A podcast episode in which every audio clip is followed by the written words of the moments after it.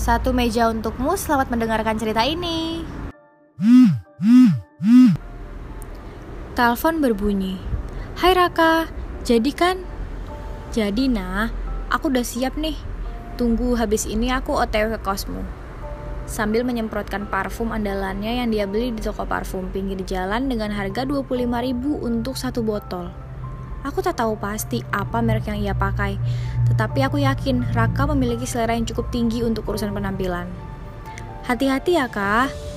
Ana menutup teleponnya, dan mungkin dia juga sedang memilih pakaian apa yang ia pakai untuk jalan dengan Raka.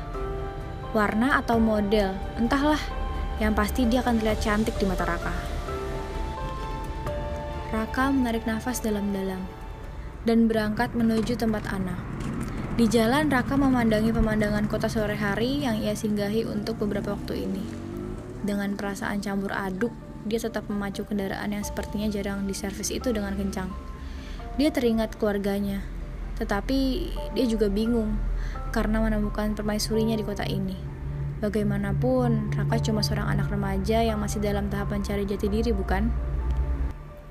Dari kejauhan, dia melihat pujian hatinya sudah menunggu di depan gerbang kos. Raka terkejut saat melihat Ana. Sial, apa aku pantas jalan sama dia? Itu yang dipikirkan Raka setelah melihat Ana. Dengan percaya diri dan mengesampingkan pikiran aneh di dalam kepalanya, Raka mengatakan, Ana Rosalina, silahkan naik. Candaan itu membuat Ana tersenyum kecil. Terima kasih Tuan Raka, saya akan naik. Balas Ana dengan sedikit menahan tawa kecilnya itu. Sama-sama yang mulia, jadi ke mana kita akan pergi sore ini? Sahut Raka. Oh, kita mungkin harus pergi ke toko tanaman dulu, Tuan. Aku sebagai Dewi Hutan tidak akan memberikan tumbuhan-tumbuhan itu hidup sendirian.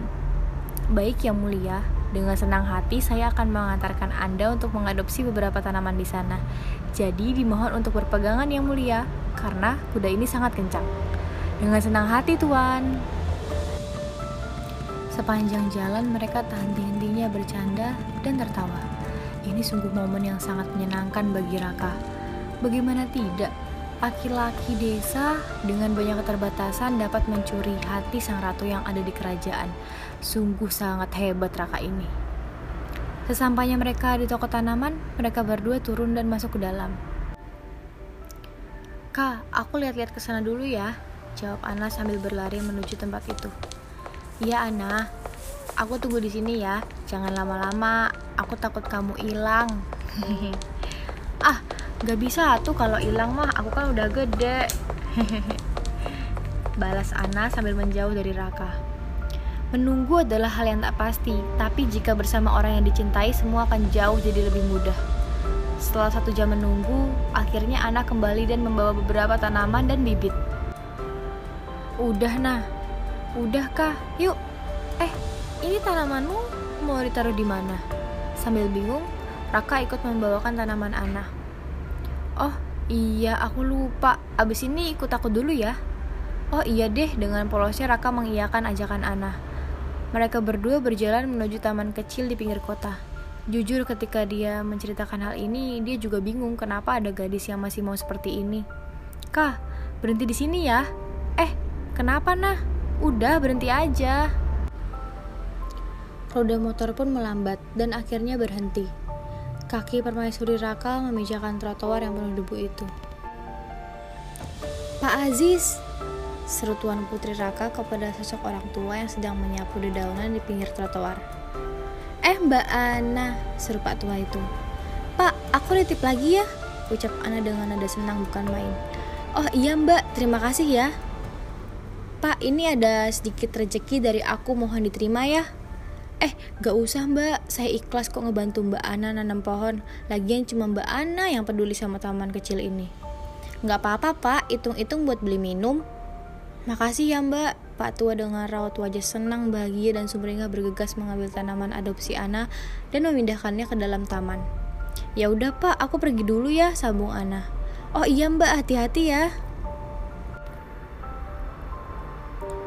Ana berjalan menjauh dari anak-anak yang dia baru saja adopsi untuk dikembangkan menjadi sesuatu hal yang lebih baik di masa yang akan datang. Yuk kah, ucap Ana kepada Raka.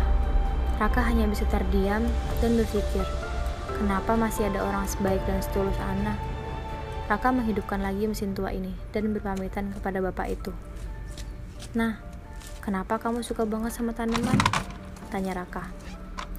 Oh, itu. Jadi dulu aku sama kakekku sering menanam pohon di kebun kakek kak. Tapi setelah kakek meninggal, aku nggak pernah lagi bersentuhan sama yang namanya tanaman secara langsung dan sadar. Eh, maaf nak, uh, aku nggak bermaksud mengingatkanmu dengan almarhum kakekmu. Nggak apa-apa kok. Jadi dulu aku kalau lihat tanaman pasti ingat kakek. Soalnya tuh dulu di rumah aku sering banget sama kakek. Gimana nggak sering? Yang di rumah kan cuma kakek, papa sama mah kerja. Mana mungkin mereka ada waktu? Balas Ana dengan sedikit nada manja. Dulu, semenjak kakek meninggal, aku males banget lihat tanaman kak. Kayak ngingetin aku sama beliau, tapi makin ke sini aku sadar kalau semua yang terjadi itu udah ada garisnya. Jadi mau sekeras apa pun aku benci sama tanaman, itu nggak akan merubah apa pun. Jadi aku putuskan semenjak aku tinggal di sini, aku putuskan untuk berdamai dengan segala hal yang aku benci ketika aku di rumah. Jadi intinya aku pengen jadi anak yang baru, anak yang kuat, dan anak yang mandiri kah. Raka hanya tersenyum dan tak bisa mengatakan sepatah kata apa pun ketika Ana menceritakan hal itu di jalan menuju acara kampus. Yang di pikirannya saat ini adalah Ana, Ana, dan masih tetap sama, yaitu Ana.